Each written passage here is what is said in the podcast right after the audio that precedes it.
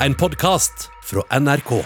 Vi ønsker vel møtt til folkemøte her fra Studentersamfunnet i Trondheim. I en stor sal med TV-kameraer og lyskastere retta mot seg, bak hvert sitt glassbord, står to av landets mest profilerte politikere. Veldig ofte så velger Jonas å kritisere meg for at det er blitt flere uføretrygdede. En av grunnene til det er at vi ryddet i køen etter de rød-grønne. Vel, vel, ryddet i køen, Erna Solberg. De deltar i en statsministerdebatt, for begge er soleklare kandidater til å lede Norge etter valget 13.9. Vi kommer til å trenge mer av det vi har ganske mye av i Norge allerede, fornybar kraft. Men så, langt ute i debatten, kommer det inn en tredje person. Trygve Slagsvold Vedum? Ok, vi får ta inn Trygve Slagsvold Vedum, da. Velkommen! Tidligere Maskorama-deltaker og Senterpartiets leder Trygve Slagsvold Vedum. Men ingenting tyder på at han skal bli statsminister. Så hva gjør han der egentlig? Du hører på Oppdatert. Og Derfor så vil jeg på vegne av Senterpartiets sentralstyre foreslå at følgende setning Det er 5. juni og Senterpartiets landsmøte. Partiets parlamentariske leder, Marit Arnstad, står på scenen. Og så slipper hun bomben. Partileder Trygve Slagsvold Vedum er Senterpartiets kandidat som statsminister i en regjering der Senterpartiet deltar. Lars Nehru Sand, du er politisk kommentator i NRK. Hvordan reagerte du på det som ble sagt? Nei, men jeg syns det var veldig overraskende, for de endrer jo helt strategi midt i svevet, på en måte midt i begynnelsen av, av valgkampen, og jeg husker jeg tenkte at eh, er dette egentlig så lurt? Ja, hvorfor tenkte du det? Fordi Trygve Slagsvold Vedum hele tiden har hatt et image som en folkelig fyr, som er opptatt av å snakke om Senterpartiets politikk, hva som er galt med det regjeringen gjør. Eh, Og nå søker han plutselig på en helt annen jobb og skulle bli statsminister og lede Norge. Han må heller snakke om da hva han vil med landet, istedenfor å snakke om hva Solberg har gjort feil. Og hvis vi ser på meningsmålingene nå, så kan det jo virke som at ikke det var så veldig lurt, som du sier. Men eh, hvis vi skal forstå hvorfor Trygve Slagsvold Vedum sto der 5. juni i år og takka ja til å bli pekt på som statsministerkandidat i Norge, så må vi jo litt tilbake i tid. Faktisk til 7. april 2014, da han ble valgt til partileder i Senterpartiet. Tusen eh, hjertelig takk for eh, For det første, tusen takk for alle stemmene. Trygve Slagsvold Vedum har gått opp på en stor scene på et hotell på Lillestrøm og står der som en skalla ung fyr med dress, grønt slips og ser utover et eh, parti som nå har gjort han til leder. Det var ingen selvfølge, men det var det han var den fyren som skulle prøve å samle Senterpartiet igjen. Det siste halvannet året så har jeg vært i alle landets fylker. Uansett hvor du kommer, så er det en tillitsvalgt. En lokallagsleder, en kommunestyrerepresentant. En eller annen som brenner for dette partiet. Om det er i Sogn og Fjordane, om det er i Trysil, eller om det er i Bergen eller Rakkestad, så er det alltid noen som jobber. For Senterpartiet hadde hatt eh, mange interne konflikter. I tillegg så lå partiet på 4% oppslutning. Men nå hadde de altså funnet en fyr som skulle få partiet opp av grøfta igjen. Men hvorfor akkurat han? Trygve Slagsvold Vedum hadde troverdighet på begge sider av den opprivende striden som hadde vært. Han hadde ikke tatt spesiell side. Mange mener han var litt konfliktsky på den tiden og ikke eh, flagga spesielt syn. Eh, Nå kunne han bruke det til å være den som klarte å samle partiet igjen. Han var en ung, likende, karismatisk fyr fra landsbygda, driver, driver gård. Og eh, var en fyr midt i partiet på så mange vis. Du, det er noen som sammenligner deg med Donald Trump. Ja, Da har du ikke sett bilen min. Og så hadde han jo denne snodige latteren, men også en veldig god politisk hjerne. For det ble jo veldig fort klart at det var jo ikke bare å samle partiet han hadde satt seg fore. Han ville rett og slett erobre landet. Vedum skjønte at Senterpartiet kunne være noe mer enn bare et interesseparti for aktive bønder, og han lanserte en strategi for å nå det vekstmålet. Han skulle ut og drikke kaffe med folk. Man skal lansere kaffekoppstrategien. Det er få plasser jeg får så mye tillit til andre som over kaffekoppen. Denne kaffekoppstrategien, hva var det den gikk ut på? Alle i Senterpartiet måtte eh, gå over tunet og snakke med naboen og snakke om hva Senterpartiet var, og ikke minst hva Senterpartiet kunne bli.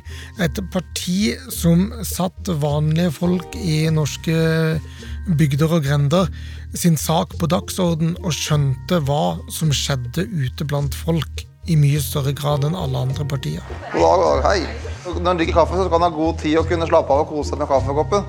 Ja, men nå er vi dessverre litt sånn eh, bråttom på tid. Og så skal vi også i tillegg til å se på kaffekoppen, så skal vi se på den nye puben nede i kjelleren, jeg skjønt. Vi har enda ikke lansert en sånn ølstrategi. jeg tror det er litt skummelt hvis jeg lanserer den. Og han selv reiste jo over hele landet for å snakke med folk over da en kaffekopp. Og øh, hva er det det går i? Noe handla om at posten ble nedlagt, at, eh, at, butikken fikk andre åpningstider. Eh, at det ble handlesenter i nabobygda istedenfor der hvor, hvor de bodde. Han tror jeg klarte å lage en overbygning som handla om at jeg bor på et helt fantastisk sted, jeg elsker denne plassen, men det er ingen andre som ser hvor viktig denne, denne stedet er. Nå skal ikke politiet være her, eh, fordi det er bedre å ha det et annet sted, og andre kommer og tar de beslutningene over hodet på meg. Eh, og det klarte Vedum å, eh, å, genuint forklare folk at det gikk an å gjøre opprør mot. Og at kanaliseringen av den avmaktsfølelsen, det var å stemme på Senterpartiet. Og det ville stadig flere gjøre. Og dette så man jo også på målingene at hadde en effekt, for Senterpartiets popularitet den gikk jo bare opp. Og da valget i 2017 nærma seg, så hadde Vedum og partiet for første gang på mange år en skikkelig god sjanse til å få stor innflytelse over norsk politikk gjennom å sitte i regjering. Og da valgresultatet begynte å tikke inn natt til 12.9.2017, så ble det jo klart at Senterpartiet hadde gjort et kjempevalg. Og så til eh, valgets vinner, på mange måter Senterpartiet, som har fått en oppslutning på 10,3% og en framgang altså på 4,8 poeng for uh, Trygve Slagsvold Vedum her. Men det hjalp ikke. For samarbeidspartiet, Arbeiderpartiet, hadde gjort et så dårlig valg at de borgerlige, med Erna i spissen, vant. Ja, etter et av tidenes mest spennende valg er det nå klart. Det blir fire nye år med Erna Solberg i førersetet. Og med det ble Vedums regjeringsdrøm knust. Men han deppa ikke veldig lenge, for eh, Vedum bare fortsatte å hamre inn budskapet om hvor viktig bygda var, og hvor mye feil regjeringen i Oslo tok. Det ble by mot land. Når han var i Nord-Norge, så snakka han om forsvarspolitikk. Når han var i Innlandet, snakka han om rovdyrpolitikk. Når han fikk spørsmål om hvorfor FM-radioen måtte byttes ut, så svarte han langs akkurat denne eh, problemstillingen. Han gjorde det samme når pensjonistene måtte eh, logge seg inn på nett for å se pensjonsslippen sin, ikke fikk den i posten lenger. Det handla også om dette at noen tar valg over hodet på deg. Mm, ja, og, og det falt jo virkelig i smak hos folk, dette. Som på Senterpartiet, da, som får 14,4 oppslutning. Det er frem hele 5,9. Dette er da et hurtigkurs i kakeskjæring med TV-team. Senterpartiet forsynte seg godt av kaken på rød-grønn side, og satte Arbeiderpartiet på sidelinjen flere steder hvor de har vært en ubestridt maktfaktor i årtier. I kommunevalget i 2019 fikk mange Senterpartipolitikere rundt om i landet ordførerkjedet rundt halsen. Men Lars, hvis Senterpartiet virkelig skulle bli å regne med i framtida, så måtte jo Vedum klare å sjarmere byfolka? Ja, det skjønte han jo. Og det kommunevalget viste oss jo gjennom bompengeopprøret at det var en slags avmaktfølelse og en avstand til makta, også for folk i byene. Vi har hatt diskusjon rundt Ullevål sykehus i, Oslo som viser at eh, sykehuskampen er jo til stede i hovedstaden også, ikke bare i Alta eller i Kristiansund. Eh, så Senterpartiet går jo inn i på nye jaktmarker med en enorm selvtillit. Eh, de har ikke vært representert fra Oslo på Stortinget siden 1993. Eh, Og at de virkelig mente alvor, det viste de jo ved å få med seg en av eh, Oslos mest markante arbeiderpartipolitikere, Jan Bøhler. Han meldte overgang til Senterpartiet. Jan Bøhler har vært en profilert Oslo-politiker for Arbeiderpartiet i mange år. Men nå har han vendt sitt gamle parti ryggen, og Trygve Slagsvold Vedum har gjort han til førstekandidat i Oslo Senterparti. Og med Jan Bøhler med på laget, så fikk jo virkelig Senterpartiet vind i seilene. Mot slutten av 2020 så gjorde Senterpartiet det så bra at de faktisk var like store som Arbeiderpartiet. Nå er Senterpartiet og Arbeiderpartiet i praksis jevnt stor. Senterpartiet går fram 5,3 prosentpoeng og gjør si beste måling siden Trygve Slagsvold Vedum tok over. Det er tommelen opp for Senterpartiet om dagen. Hver femte velger vil stemme på Vedums parti. Og ikke bare det. Partiet begynte også å spise seg inn på Arbeiderpartiets kjernevelgere og kjernesaker. Ja, det så man ved at eh, Senterpartiet ble største parti på en del lokale målinger i Innlandet og i Nord-Norge, hvor Senterpartiet har eh, tradisjonelt vært mye mindre enn Arbeiderpartiet.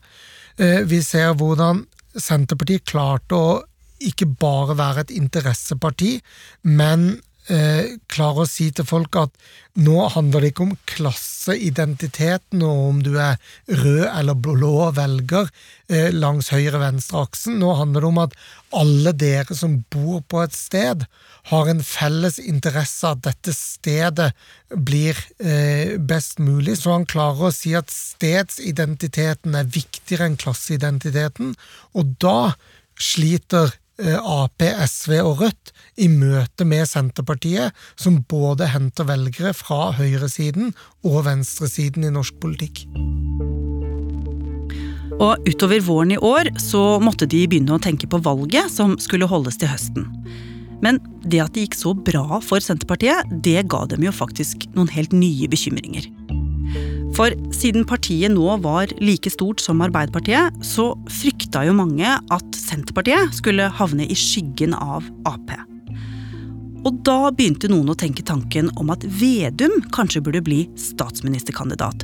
For da får man jo masse oppmerksomhet. Men Lars, det var jo ikke bare for Vedum å rekke opp handa. Det ville vært et stor karakterbrist om en mann som hadde som image å være så vanlig og folkelig, selv skulle gjøre noe så unorskt som å rekke opp hånda og si 'hei, jeg vil bli statsminister'. Det tror jeg ikke hadde tatt seg ut. Mm. Så derfor så begynner lokale Senterpartipolitikere å gi intervjuer hvor de foreslår, og de sier, at eh, nå må Trygve bli vår statsministerkandidat. Og det blir en sak på landsmøtet hvor Trygve Slagsvold Vedum blir foreslått som statsministerkandidat. Jeg håper at landsmøtet kan gi sin tilslutning til det. Og det vedtar partiet i et ganske velregissert eh, show, som jo har bygd han opp til å bli eh, en eh, politisk popstjerne i forkant av denne avstemningen.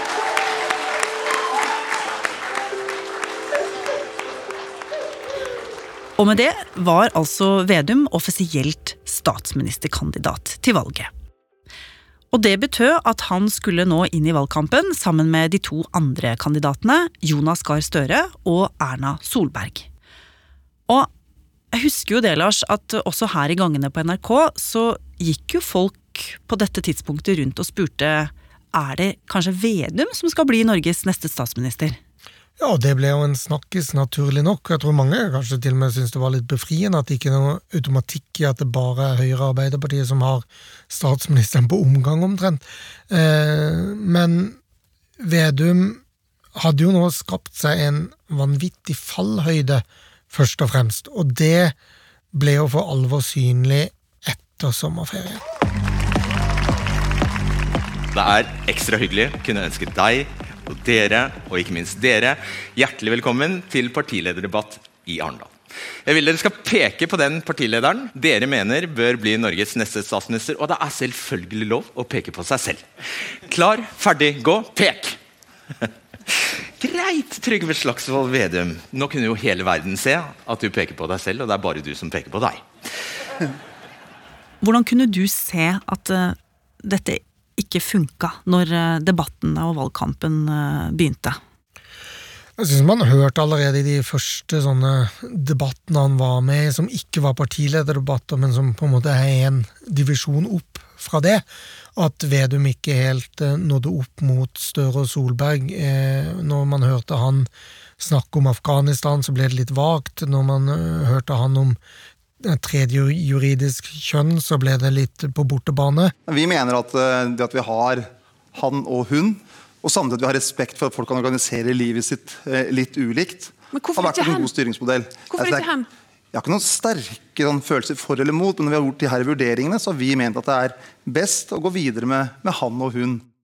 Fra en som har en veldig fast politisk eh, refreng i hvordan han angriper regjeringen, så kom han litt mer til kort når han skulle konkretisere egne politiske løsninger. Ja, det ble stor nivåforskjell på de tre politikerne, rett og slett. Men det var jo ikke bare Trygve Slagsvold Vedum selv som ikke helt eh, brøt gjennom lydmuren. Eh, Senterpartiets politikk eh, begynte jo også å få trøbbel. Ja, de viktigste sakene med inngangen til denne valgkampen var jo sosiale forskjeller og skattepolitikk, og ikke minst klimapolitikken etter at FN hadde gitt kode rød for menneskeheten. Dette passa ikke som hånd i hanske i Senterpartiets eh, valgkampstrategi. De ville snakke om distriktsopprøret, men det kom helt i bakgrunnen. Og dermed så var velgerne opptatt av noe annet enn Senterpartiet. Velgerne sa at det som var viktigst nå, var ikke det som Senterpartiet var best på.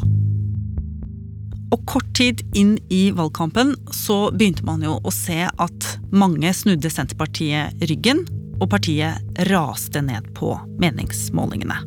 Med under én måned igjen til stortingsvalget så begynner det virkelig å dra seg til på meningsmålingene. Og vi starter med Senterpartiet, som faller fire prosentpoeng. Et kraftig fall for Vedum og co.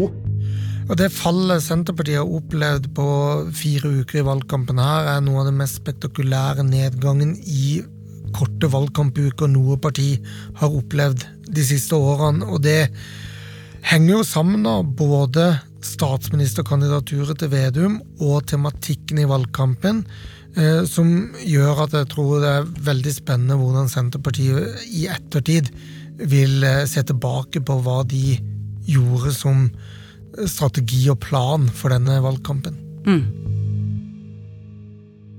Og mange syns jo det ser rart ut at Vedum fortsatt deltar i statsministerdebattene når det ser ut til å gå mye dårligere enn det lå an til. Så dette med å lansere seg som statsministerkandidat, hvor god idé var egentlig det?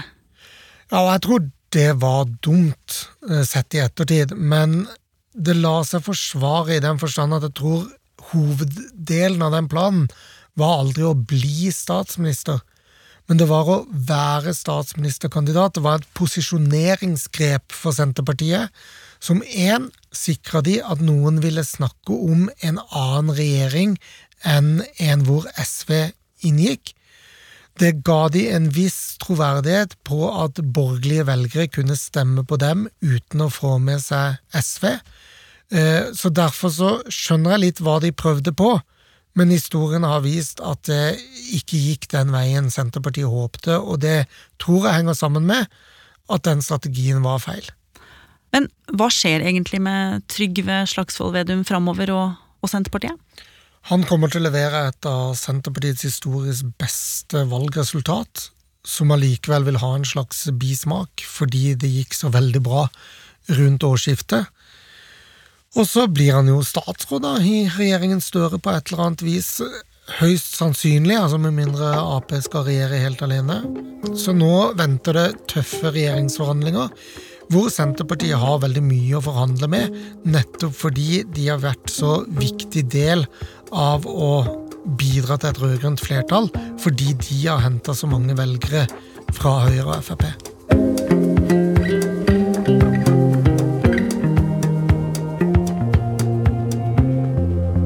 Har du lyst til å bli fast lytter av oss i Oppdatert og få påminnelse om nye episoder, er det bare å følge oss i NRK radioappen. Og så er det veldig hyggelig hvis du vil anbefale oss til en venn.